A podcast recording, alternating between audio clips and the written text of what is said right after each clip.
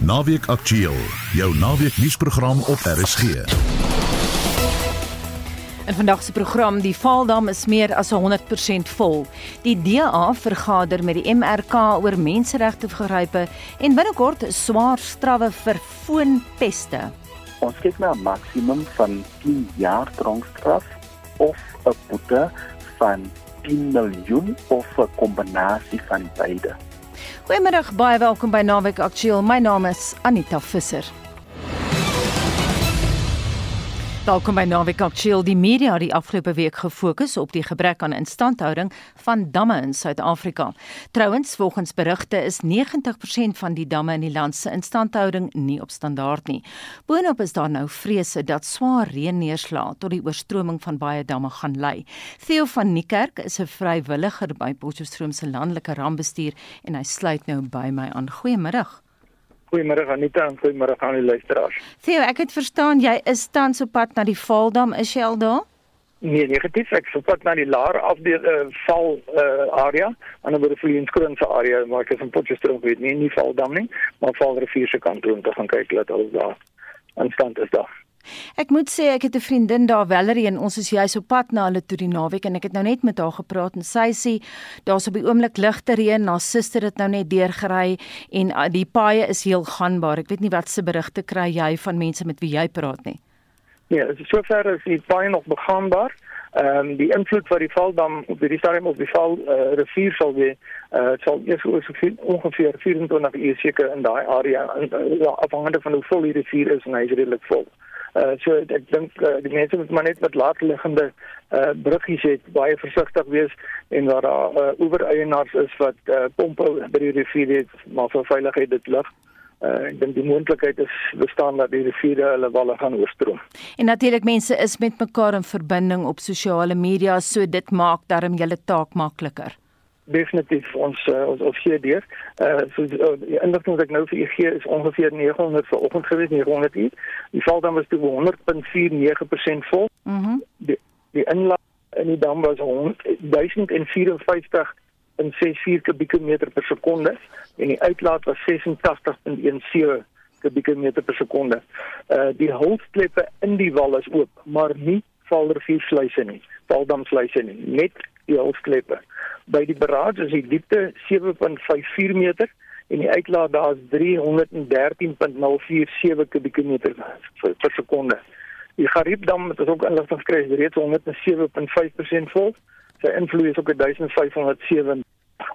Lerkskraaldam, dis die dam wat teen die N14 is, uh loop baie sterk oor en uh mense wat die N14 gebruik moet asseblief versigtig wees die moontlikheid bestaan dat die pad vir die N14 oorstroom kan word want die, hulle kry baie reën nog daar in die, uh, die outomatiese oorloop uh, wel uh, die waterstorm sterk daar af. So ons graag die mense vra om versigtig te wees en as ons enige ander inligting kry sal ons dit onmiddellik versprei so ver as ons kan. Baie dankie dit aan Theo van die Kerkhuise vrywilliger by Potchefstroom landelike rampbestuur. Die DA het gister tydens 'n vergadering oor met die Suid-Afrikaanse Menseregte Kommissie 'n klag teen die regering ingedien oor fundamentele menseregte vergrype. Vir meer hieroor praat ons nou met die leier van die DA, John Steenhuisen. Goeiemiddag John. Baie baie dankie vir die geleentheid om saam met julle vandag te wees. John, sê vir ons wat behels julle klag teen die regering?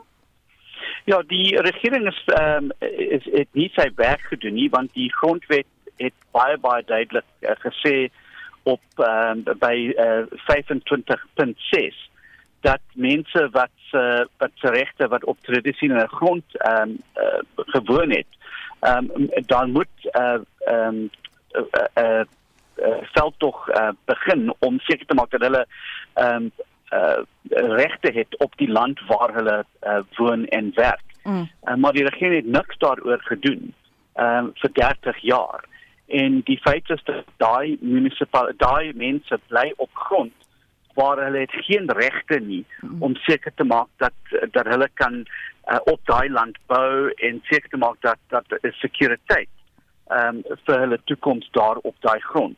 En ons uh, het gesê die die regering het niks daaroor gedoen uh, en dis nou tyd dat uh, dat uh, die menseregte kommissie uh, moet verduidelik vir hulle dat mm. daai werk moet nou begin. En wat was hulle reaksie op daai klag van julle? Ja, hulle het, hulle het baie baie um, goed geluister en hulle vrae gevra het en uh, het vir meer inligting gevra wat ons sal hierdie week uh, skriftelik um, insit met hulle. Maar um, ek dink hulle het het het uh, onderstaan onderstaan ondersteun die feit dat uh, iets moet daaroor gedoen word om seker te maak dat hierdie uh, mense regte kry op daai grond en dat hulle 'n keuse het as hulle in uh, gemeenskaplike eienaarskap uh, wou wees of um, self eienaarskap hê op daai grond. Maar hulle moet die keuse hê. Um, so net soos mense wat in uh, ander plekke woon die ehm um, die uh, Montlante verslag het dit baie verduidelik dat hierdie mense in hierdie tradisionele uh, plekke bly in 'n in 'n grondwetlike niemandsland nie waar hulle hulle hulle het nie dieselfde regte wat mense in uh, in in stede en dorpe het nie hmm. en dis nie reg nie. Sê vir my Sê vir my John duidelik het julle hier 'n verhouding uh, wat julle wil vestig met die MRK gaan daar opvolgvergaderings wees? Um, ja, hulle het gevra ons moet um, skriftelike inligting vir hulle gee en, en ons sal dit hierdie week doen uh, om vir hulle meer te verduidelik uh, hoe erg hierdie situasie is en die armoedigheid en die feit dat hierdie mense sit sonder regte uh, in land. Baie dankie en so sê die DA-leier John Steenhuisen. Moorde deur die veiligheidspolisie tydens apartheid word toenemend voor die hof gedag. Die Waarheids- en Versoeningskommissie het in 1998 reeds aanbeveel dat 300 sake ondersoek moet word. Die regstappe behels geregtelike doodsondersoeke weens sterftes in polisieaanhouding of die vervolging van die beweerde moordenaars van aktiviste. Die Foundation for Human Rights wat naasbestaandes help om sake voor die hof te bring, waarsku egter dat daar min tyd is om regstappe te neem. Dries Liebenberg het meer.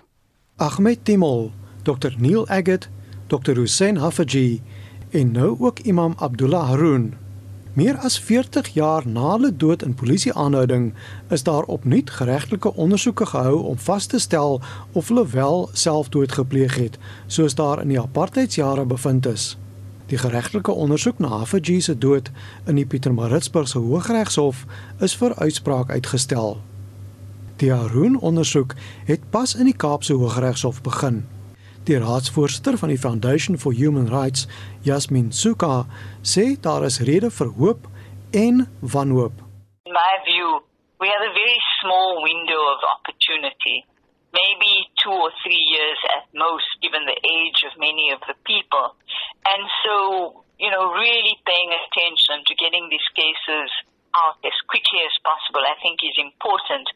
Totdat hy in 2009 oorlede is, het Yusuf Hafaji onverpoost gewerk om bewyse in te samel oor die dood van sy broer, die 26-jarige tandarts Dr. Hussein Hafaji in polisieaanhouding in 1977 in Durban. Hafaji se oorlewende broer, die 80-jarige Ismail, reken die getuienis in die hofverrigtinge het gestaaf dat Hussein Hafaji nie selfdood gepleeg het nie. Na die trauma om na die grafiese getuienis van sy broer se marteling te luister, sê Ismail Hafaji, hy kan nie vergewe en vergeet nie. Oh, it was terrible, honestly, you know. I, I hope no parent, you know, family can experience such a thing. It was very traumatic. I can't describe it, you know, what we felt. You know, we were so shocked.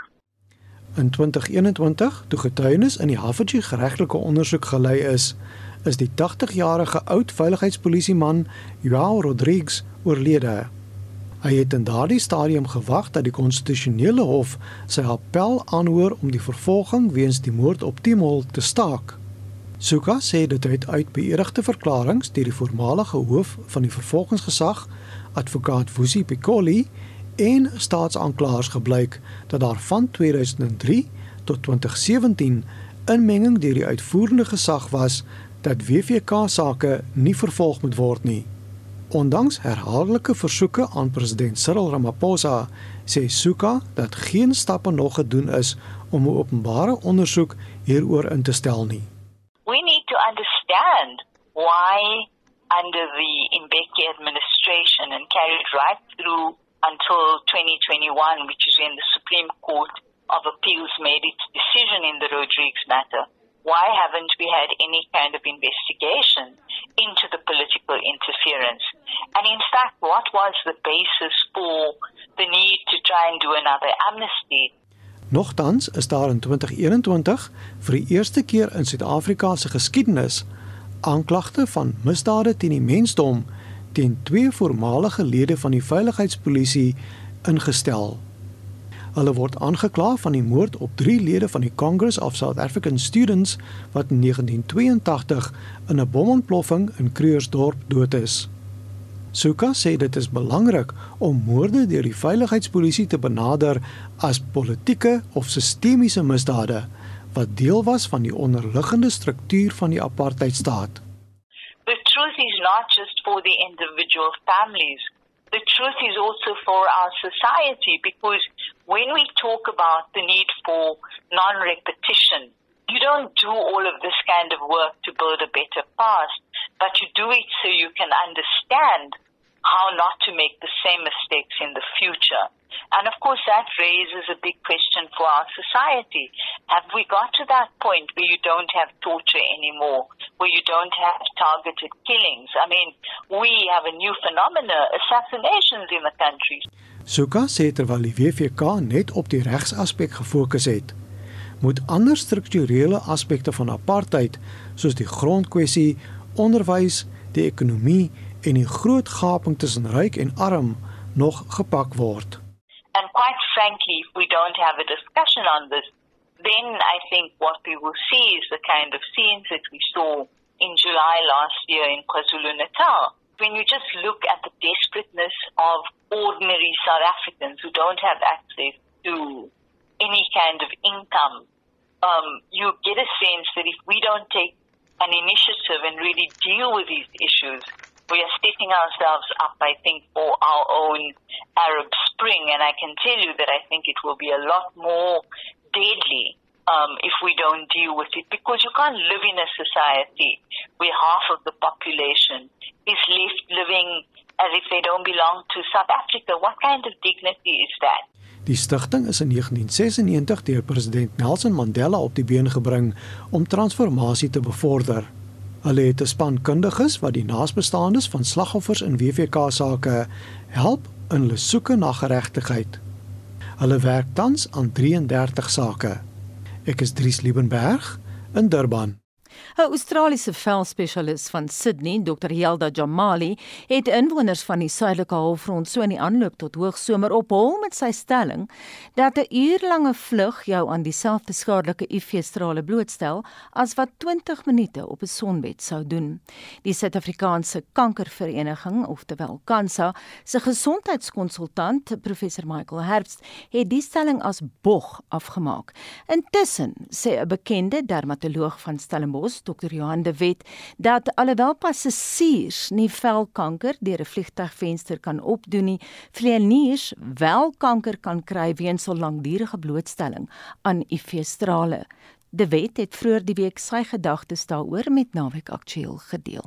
Daar is definitief bewyse dat daar 'n verhoogde insidensie van velkanker onder vlieëniers is.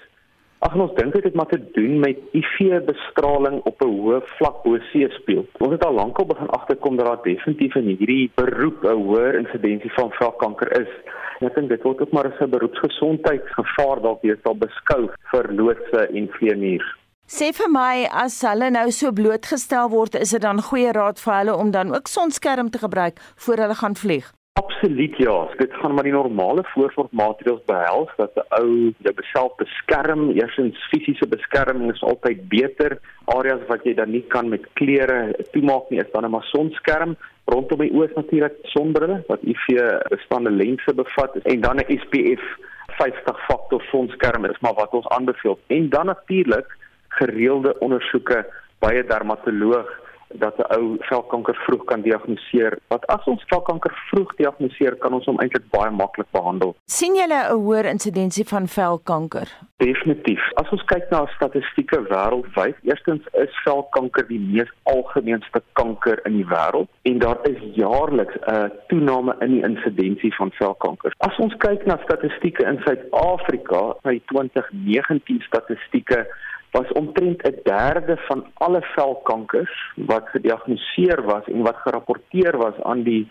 nasionale kankerregister velkankers gewees. Maar ons moet ongelukkig dit maar met 'n knippie sout interpreteer want baie keer word velkankers nie gerapporteer nie en daarom kan ons eintlik aanneem dat die insidensie baie hoër is. Ons moet kyk wie is op risiko om velkankers te kry. So as ons net kyk na die op risiko populasie is dit meer as die helfte van alle kankers is velkankers. En ons vind ook dat dit aan die toeneem is onder jonger mense tussen 30 en 40 sien ons ook nou velkankers wat vroeër nie noodwendig die geval was nie. Dokter, as jy nou sê aan toeneem, met hoeveel persent sou jy sê? Dit is baie moeilik om statistieke in Suid-Afrika na te verwys in die verband oor dat ons statistiek dalk nie so betroubaar is nie.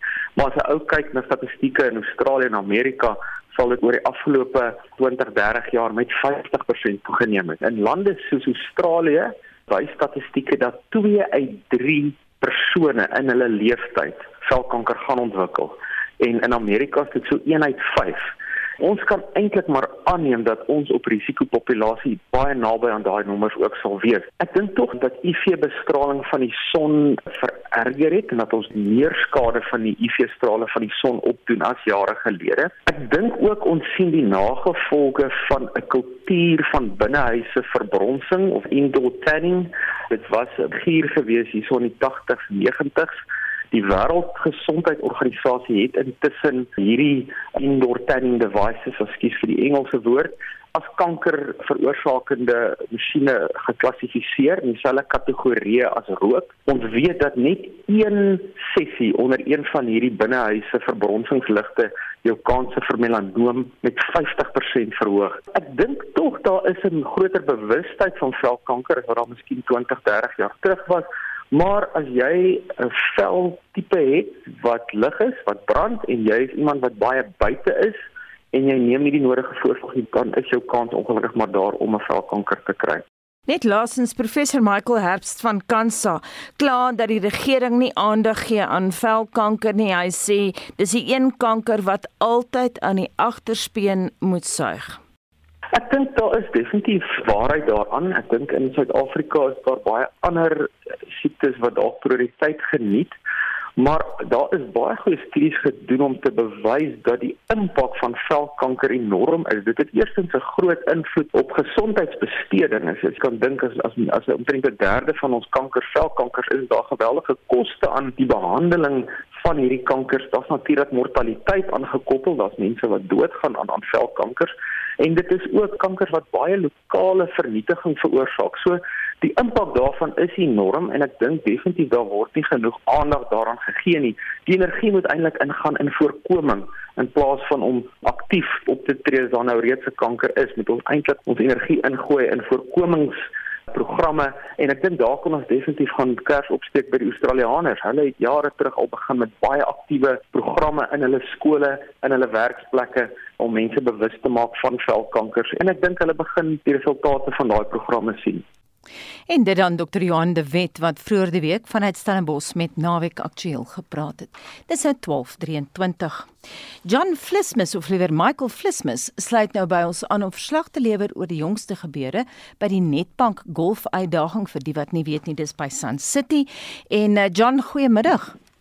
Goeiemiddag en uh, die goeie nuus is daar daar is son en daar is nie reën nie na gister se storms. Luke Donald en Richard Bland as die gesamentlike voorlopers na die tweede ronde van die Nedbank Golf Uitdag toernooi en met die derde ronde wat sopas begin het. Die tweede ronde moes vandag voltooi word weens die reën en weerlig gister wat veroorsaak het dat daar bitter min golf gister gespeel is.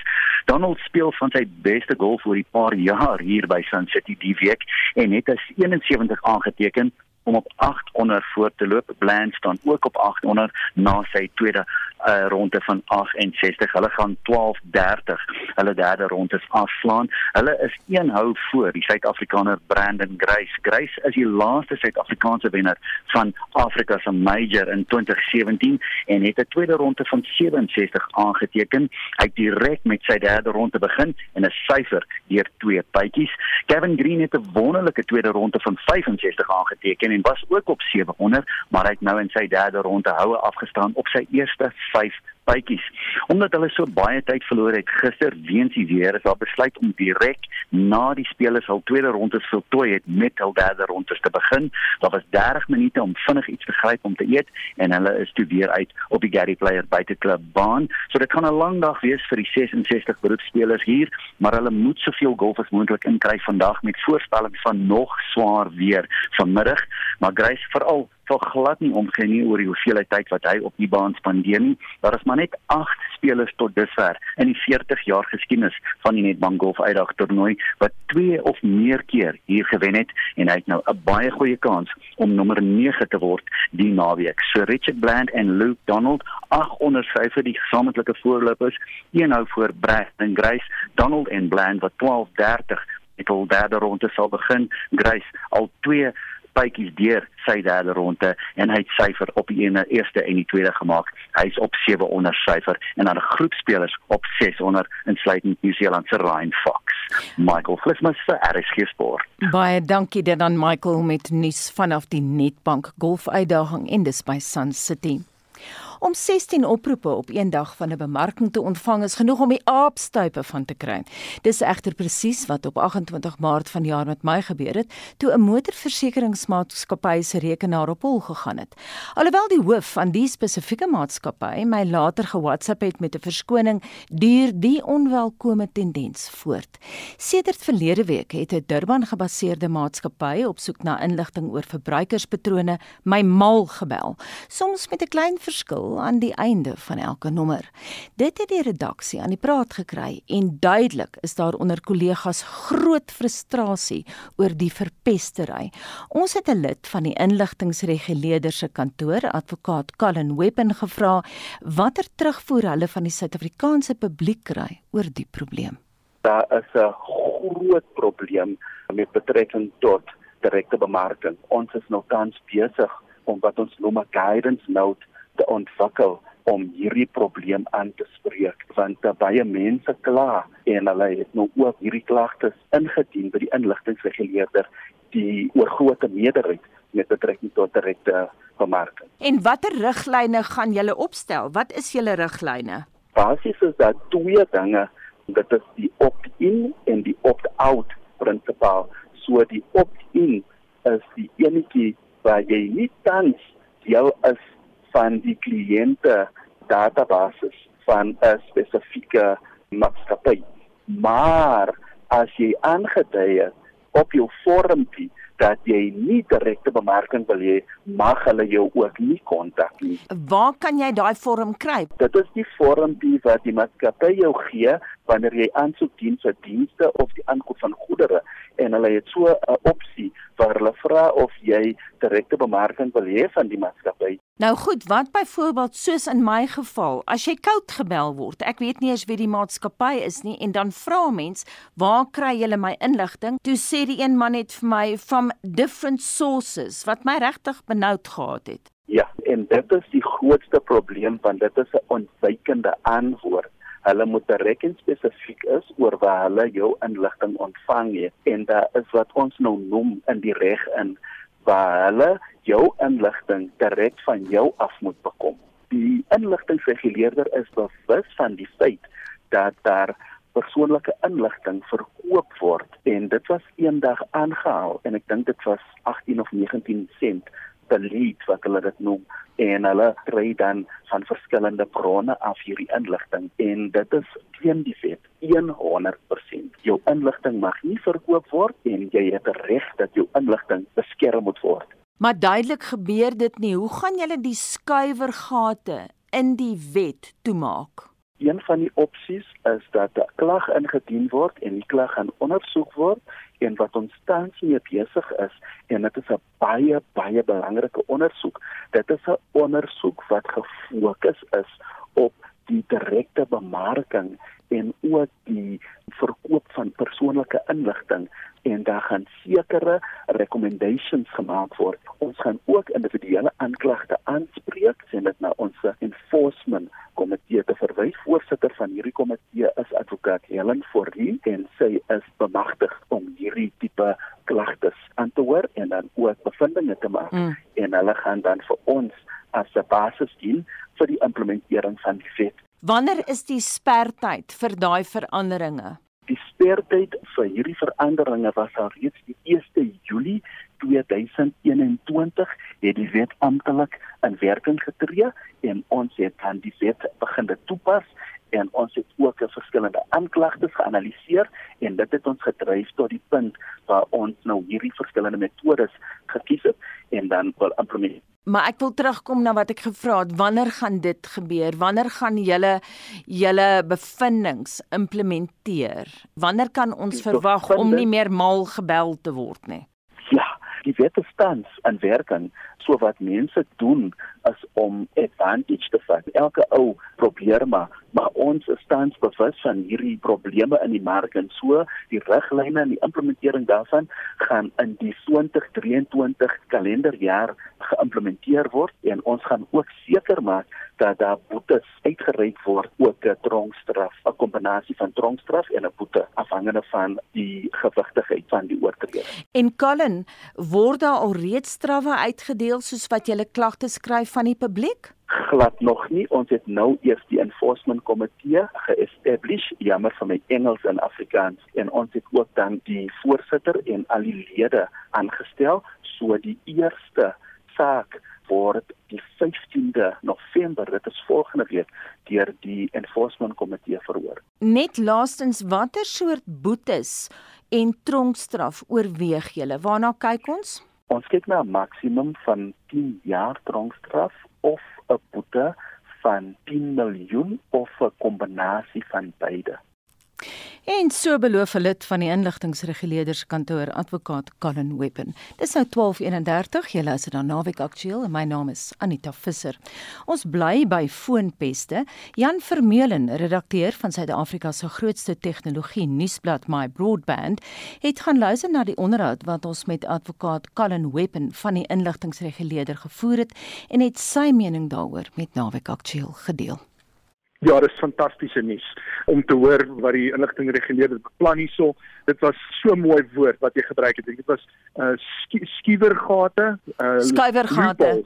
Ja, skuiwergate. Ja. Dis wonder 'n wonderlike woord. Die inligting reguleerder self, Tanji Klakula, het ek dink vroeër die jaar of laas jaar het sy gesê, ja, dis teen die wet vir hulle om jou te e-pos maar hulle mag jou bel. Hulle mag jou koud bel want daar's 'n gat in die wetgewing en so hopelik met hierdie guidance note wat hulle gaan uitsit, gaan daai gat toegemaak word en gaan hulle hierdie ouens wat ons so irriteer aan die bek trek. My probleem is waar kry hulle die inligting vandaan? Nou het ons gehoor in die vorige onderhoud hoe daar gepraat word van inligting wat verkoop word. Hoe stop mense dit? Ja, daar's 'n paar maniere waar die inligting bekom word. Een probleem is ons het ongelooflike groot data lekkasies gehad in die land in die afgelope paar jaar omtrent almal se data is amper vrylik beskikbaar gewees op die web op een of ander stadium. Dis nie almal se foonnommers nie, maar daar's baie foonnommers daar gewees, e-posadresse, ID-nommers wat gesteel is en sommer net op die web gelaai is of wat weens nalatigheid op die web beskikbaar was. Data lekkasies is een manier hoe van hierdie maatskappye wat na die bellery doen, net om dinge te verduidelik. Wat gebeur hier is die maatskappye baie keer bou hulle nie hulle eie database, hulle kontrakteer uit na 'n maatskappy wat sê hulle het 'n database en dan sê hulle ons database is heeltemal wettig.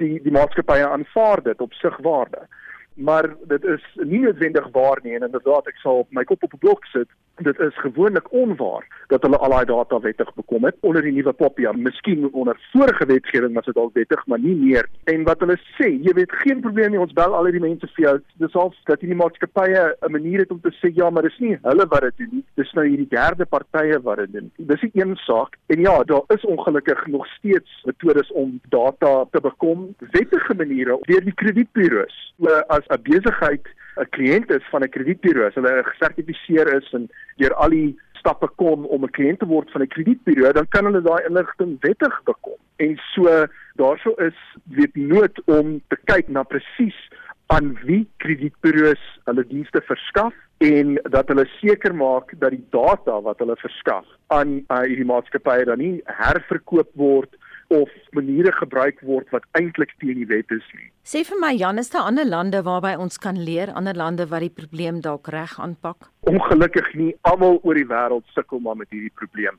Dis hoekom 'n mens toepassings het soos Truecaller en dat elke foonmaker of dit nou Apple of dit Samsung is, 'n manier vir jou probeer gee om hierdie tipe oproepe te blok. Dis ongelukkig wêreldwye probleem en mense sukkel maar dwars oor die wêreld om hierdie sogenaamde robocalls en hierdie koud oproepe en selfs SMS'e en ander bemarkingsspam te keer. Jan, wat dink jy van die strawwe? Gaan dit werk? Uh, ja, die 10 miljoen rand boete afhangende van die grootte van die maatskappy kan 'n uh, massiewe afskrikmiddel wees. So uh, groter maatskappye is dit dalk nie so groot ding nie, maar ek dink jy weet 10 miljoen rand gat in die sak gaan enige iemand laat twee keer dink voordat hulle dit doen, maar dit moet toegepas word.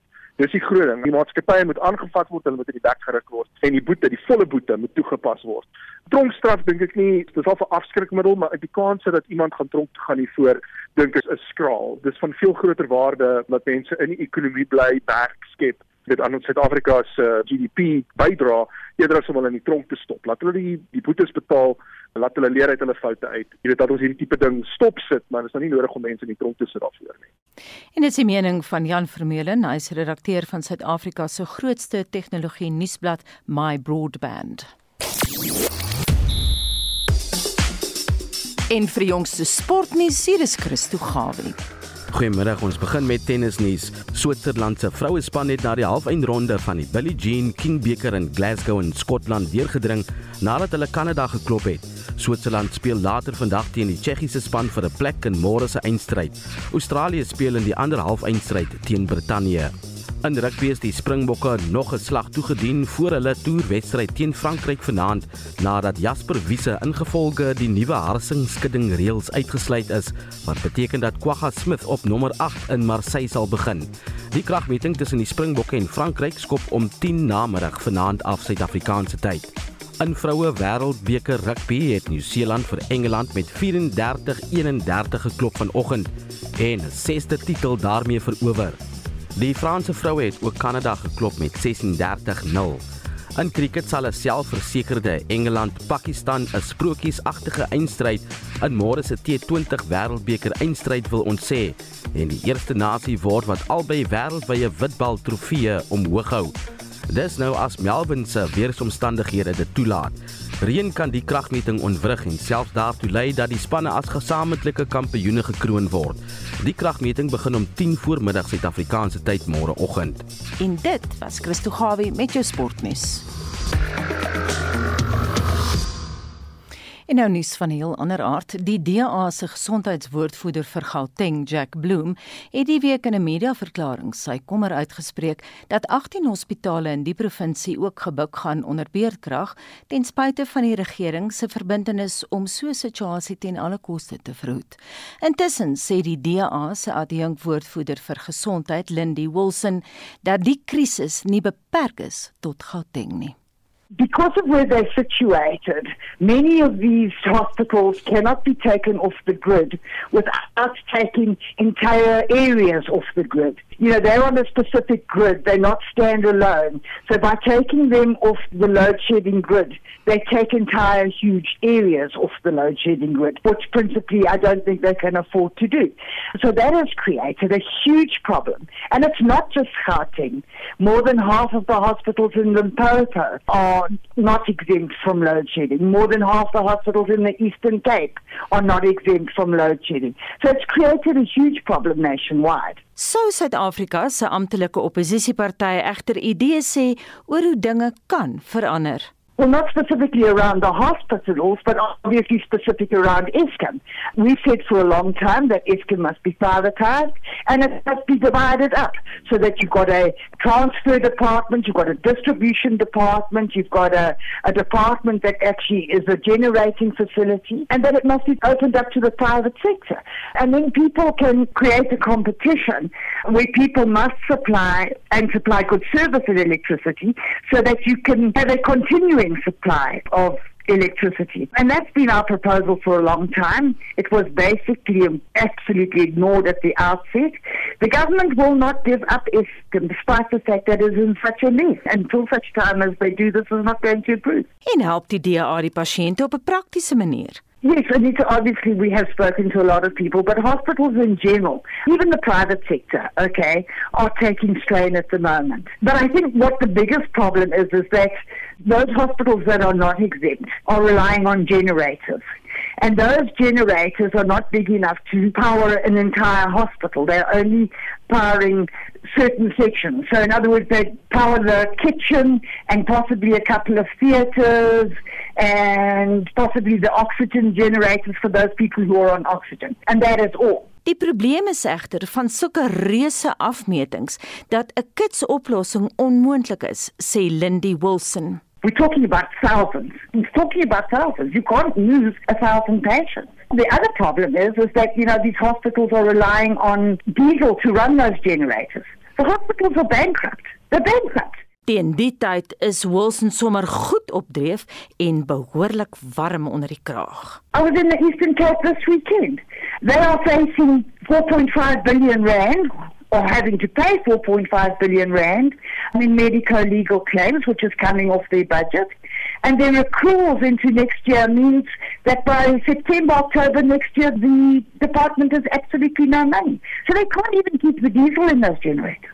Verder is Lindy Wilson sinies oor die ANC se pogings om die nasionale gesondheidsplan as 'n towerstafie voortou wat als in 'n japtrap gaan verander.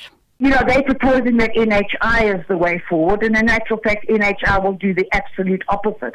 The only way forward, Anita, is to have a change of government that can look who knows how to prioritize these things, who can get rid of the corruption, who can get rid of the maladministration. We see huge huge, huge cadre deployment in the sector with people who are totally unqualified to manage hospitals and have no idea what they're doing. We can change it, it can be changed, but not until such time as you put people who know what they're doing into those positions. En die vrou by oorlogspad daar is die DA se adjunkwoordvoerder vir gesondheid Lindy Wilson. Die Kaapstadse Metro gaan volstoom voort met sy plan om tegnologie soos kringtelevisie en selfs hommeltuie in te span om misdaad te bekamp. Die burgemeesterskomitee lid vir veiligheid en sekuriteit, JP Smith, sê gesigsherkenning word deesdae toenemend gebruik om boewe vas te trek. En daar is verskeie misdaadsbekampingstegnologieë wat help in hierdie verband. Die een wat almal seker meeste ken is die kringtelevisie of sogenaamde CCTV kameras. Die stad het 'n redelike groot CCTV footprint oor die jare opgebou en hierdie werk nou saam met die privaat kamera netwerke wat buurtwagte en ander opgesit het en jou stadsverbeteringsdistrikte. En ons is toenemend besig om hierdie kameras uit te brei en om meer analytics te gebruik soos boonbehalwe die nommerplaaterkenning wat ons nou op die statiese kameras doen maar ook op die kameras in ons voertuie het ons dan natuurlik ook 'n uh, facial recognition waarmee ons nou begin eksperimenteer by van die plekke soos by ons My City bushaltes. So ons is op die oomblik uit die tender vir die acoustic detection die luister na na misdaad waar geweerskote detect word en daai geweerskote dan getriangulate word tot binne 'n paar meter se akkuraatheid van waar dit plaasvind wat dan ons personeel toelaat om onmiddellik te reageer om op elke geweerskoot insident te reageer en as gevolg daarvan meer getuienis op te bou deur die koeldoppies op die grond en persone wat die skietery dalk waargeneem het wat dan op vir ons kan sê wel die persoon wat geskiet het was nou net hier die persoon het 'n hoodie aan hy het in daai rigting gehardloop en dit het ons arrestasiekoers aansienlik opgedryf verlede keer en het ook ons toegelaat om omtrent 5 keer meer vuurwapens van die pad af te neem as wat ons voorheen gekry het. Nou buite die feit dat julle ook outomatiese nommerplaaterkenning gaan gebruik, gaan julle ook nou gebruik maak van hommeltuie as deel van julle tegnologie pogings. Okay. So die stad het ook 'n belê in hommeltuie Ons het 'n hele paar gekoop oor die laaste paar jaar. Ons het vlieëniers wat gekwalifiseer is en die mommeltuie is self gesertifiseer. Ons is in die finale proses met die Civil Aviation Authority om hierdie mommeltuie se RSC, hulle operasionele plan goed te keer sodat ons hulle kan begin gebruik. In die tussentyd gebruik ons die mommeltuie van uh, kontrakteer en ons gebruik hulle nou die hele tyd in operasies as ons dwelm operasies doen of hierdie groot operasies soos in Marikana of Wynberg gebruik ons uh, hommeltuie om vir ons situational bewustheid te gee van wat in die area aangaan waar voertuie skielik beweeg waar mense probeer wegkom oor dakke deur oor geboue te klim en andersins en dit voeg baie waarde by. En JP gaan julle dan ook gebruik maak van lyfkameras vir elke polisiebeampte. Ons het nou begin voorberei vir die ontplooiing van kameras op die persoon van elkeen van ons amptenare, is die bodycam. Er is ook dashboard kameras in ons voertuie en hierdie dashboard kameras is bemagtig met 'n nommerplaatherkenningstegnologie sodat jy die nommerplate rondom jou op die pad kan lees, sien waar daar gesteelde voertuie is, voertuie met duplikaat nommerplate, voertuie met uitstaande lasbriewe vir verkeersoortredings en andersins. So dit gaan ons uh, baie meer effektief maak vir al die hoofwegpatrollie eenheid wat ons gestig het en wat ons geloods het verlede week. Dit is 'n massiewe projek, um, JP. Hoe gaan dit befonds word? Ons befonds deur interne befondsing van die stad. Dit is nie iets waar ons geld van enige ander bron kry nie. Dis alles die stad se eie eiendomsbelasting wat die ons belastingbetalers ons betaal wat vir dit gebruik word. Ons kry wel ondersteuning van die provinsiale regering vir ons leap program al die ekstra amptenare wat ons in die 13 mees geweldgetuisterde areas of polisie precincts in ons stad ontplooi maar vir die tegnologie is dit 'n projek wat ons self dryf Ons begin nou praat met ander munisipaliteite in Suid-Afrika maar ook in die Wes-Kaap om saam met ons te werk aan die ontwikkeling van tegnologie sodat ons hierdie goed saam kan ontwikkel en dan kan deel en dit sal veral baat die kleiner munisipaliteite wat nie kan bekostig om al die navorsing en ontwikkeling te doen nie. En so sê JP Smith, hy is burgemeesterskomitee lid vir veiligheid en sekuriteit in Kaapstad en Vincent Mofokeng het met hom gepraat. En van die moederstad na KZN, klein sake ondernemings is bekommerd oor die verval van Durban se middestad wat die komende Kersseisoen verkope kan vnuik. Besigheidseienaars sê die hoë vlak van misdaad en die vuil omgewing in die Durban se middestad hou klante eenvoudig weg. Mitsi van der Merwe het meer. Die Kersseisoen is oestyd vir sake ondernemings om die jaar op 'n hoë noot af te sluit. Maar vir sommige ondernemings is daar geen waarborg dat dit sal gebeur nie. Hulle sê die toenemende misdaadvlak en swak onderhoud in die middestad verdryf voete.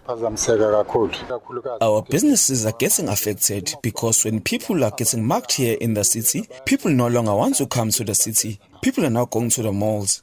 If the municipality can also address the issue of filth around the city, even the increase in the number of these boys who are living in the streets, those who smoke wonga, they also contribute to all of this mess. I'm at the verge of giving up. There are no customers. We are trying to make an honest living for our children and grandchildren. Some are orphans. They depend on us. It's bad. We even fear walking in the streets because we get mugged. They take our cell phones. 'n Vrou wat anoniem wil bly en in 'n woonstelblok in die middestad woon, sê sy vra die munisipaliteit om die bywette toe te pas teen mense wat in die openbaar urineer en ontlas. There are places and corners in the streets of Durban where if you pass by, the smell of urine knocks you out. Sometimes people even have the nerve to defecate in these corners. It's sickening.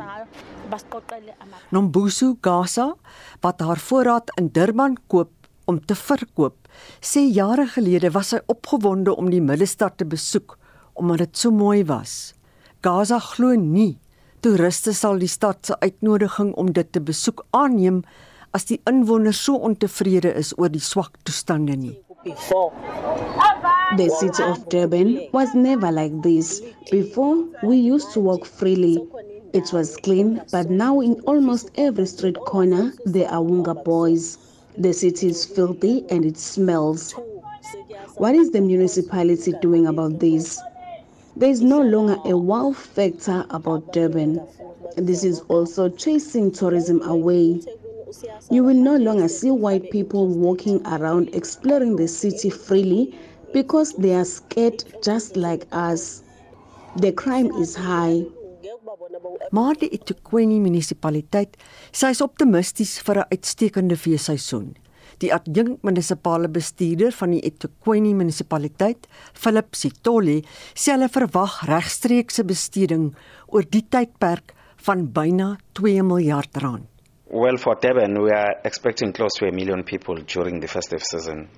Obviously, some of them they use Durban as a, an overnight before they go to other places within KZN. But we are expecting more than a million people over a period of six weeks. Durban se strande het nie blou vlag status nie. Dit is omdat die stad nie sedert die oorstromings in April en Mei, die aanhoudende rioolstortings en die invloei van nywerheidsafvalwater in die see bestuur het nie. Nonjabulu Mtungwa Makamu het hierdie verslag saamgestel. Mitsi van der Merwe, SAK-nuus.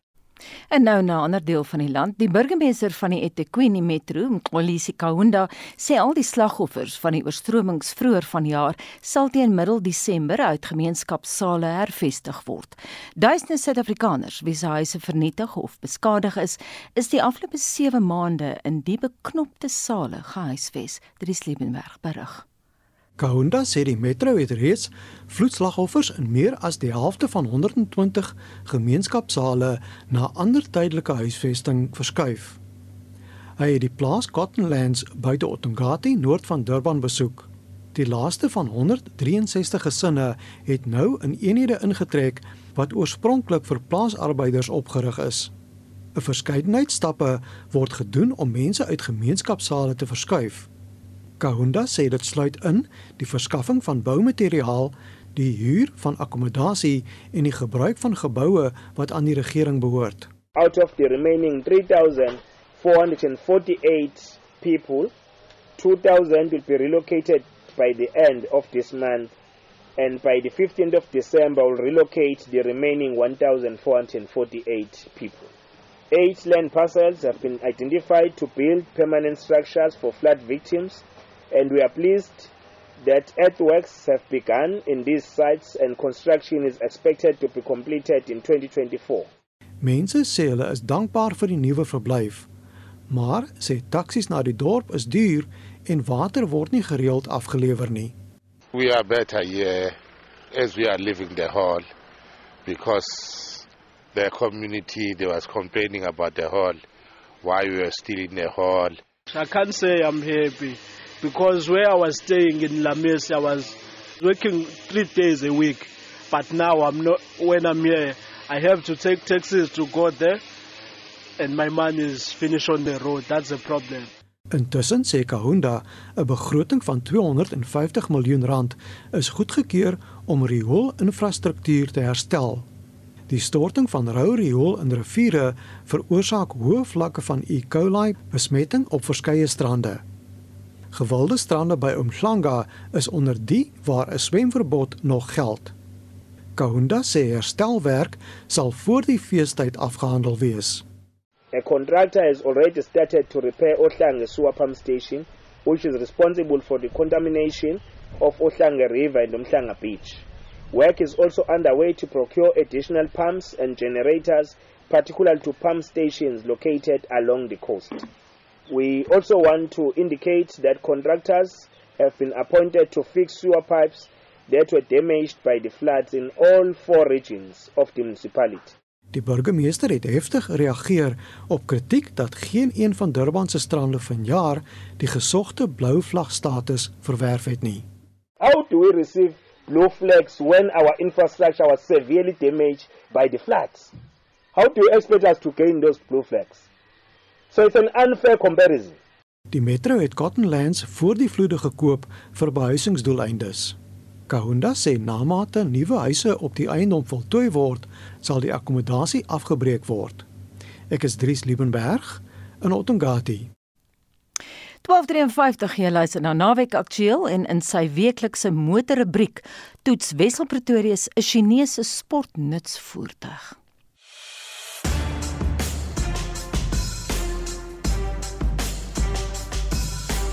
Cherry het sedert sy terugkeer na Suid-Afrika 'n jaar en 'n half gelede vinnig gegroei. Verlede maand is altesaam 1229 eenhede deur sy 50 handelaars landwyd verkoop. 369 hiervan was Tigo 7's, die jongste toevoeging wat met 'n lyf van presies 4.5 meter tussen die kleiner Tigo 4 en groter Tigo 8 pas. Grootte en prysgewys is die Tigo 7 Pro se grootste mededingers die Haval Jolion en Toyota Corolla Cross. Ek het die Lexer van twee modelle gery, die Executive teen net oor die 470 000 rand. Hy het 'n netjiese voorkoms. Cherry se kenmerkende sieshoekige sierrooster met skreefie-agtige hoofligte en vertikale LED dagryligte. Die blinkswart afwerking van die agterste C-pilare skep die illusie dat die dak in die lug hang. Mooi 18-duim wiele rond die prentjie af. Ook die binneruim beïndruk. Goeie materiale regdeur en hy voel baie netjies en stewig aan mekaar gesit. En nie net leer sitplek en 'n leer stuur nie, maar ook leer hier in die paneelbord voor en die deurhandvatsels. Voor die bestuurder doen digitale instrumente diens, terwyl die groot sentrale raakskerm 'n helder, hoë definisie beeld bied. Dis 'n moderne, gerieflike en stylvolle kajuit met 'n magdom kenmerke. Hoogtepunte in die Tigo 7 Pro Executive is elektriese sitplekke voor, 'n panoramiese sondak, stemmingsbeligting, elektroniese beheer vir die agterklap, dubbelsone klimaatbeheer, 'n stembeheerfunksie, selfaanpasbare togbeheer en 'n koordlose herlaai funksie vir jou foon. Veiligheidskenmerke sluit in 'n 360 grade kamera, kruisverkeer en blinde kol waarskuwing, 'n baanverlaatgonser en 'n selfstopfunksie. Ook baie spasie met my skelet van net oor die 1,9 meter kan ek met die voorste stoel vir myself gestel gerieflik agter myself sit sonder dat my kop die dak en my knie die voorste stoel raak. En 'n redelike ruim bagasiebak veral in ag geneem dat die spaarwiel 'n volgrootte alloy een is. Genoeg spasie vir 'n gesin van 5. Kraglewering is voldoende. Die 1.5 petrol turbo lewer 108 kW en 210 Nm gekoppel aan 'n CVT outomaties. Hy's egter nogal swaar op die sous. Ondanks 'n enjin stopry funksie vir stadsverkeer en die feit dat die toere op 'n gelykpad teen 120 onder 2000 lê, het ek 9,1 liter per 100 km op my gekombineerde roete gemeet. Met die Corolla Cross Hybrid was my verbruik op dieselfde roete 5,7. Die Chery se padgedrag en ritgehalte is heel goed en grondvryhoogte 'n gerusstellende 210 mm. Vreemd, die rem het geskree. Nou nie wat mens verwag van 'n feitelik splinternuwe kar nie. Gelukkig kom die Tiggo 7 met 'n 5 jaar 60000 km diensplan, 'n 5 jaar 150000 km waarborg, terwyl die N1 vir 10 jaar 1 miljoen kilometer gewaarborg word. Alles in ag geneem bied Chery se Tiggo 7 Pro Executive teen R472900 'n besondere hoë spesifikasievlak. Verder spog hy met 'n aantreklike ontwerp en die aanvoelbare kwaliteit binne is uitstekend. Net die tyd sal egter leer of die Chinese kan kers vashou by die Japaneese en Suid-Koreane se reputasie van betroubaarheid. 'n Laaste woord daan Wes op Pretoria is onthou dat indien jy weer na ons nuusprogramme wil luister, kan jy so maak deur RC se webtuiste te besoek by rc.co.za. Jy gaan eenvoudig na die potgooi skakel en tik die sleutelwoord van die program waarna jy soek. Die span groet namens ons uitvoerende regisseur Nicoline de Wee, die vrou in die warm stoel vandag Veronique van Heiningen, ons produksieregisseur Johan Pieterse en my naam is Anita Visser.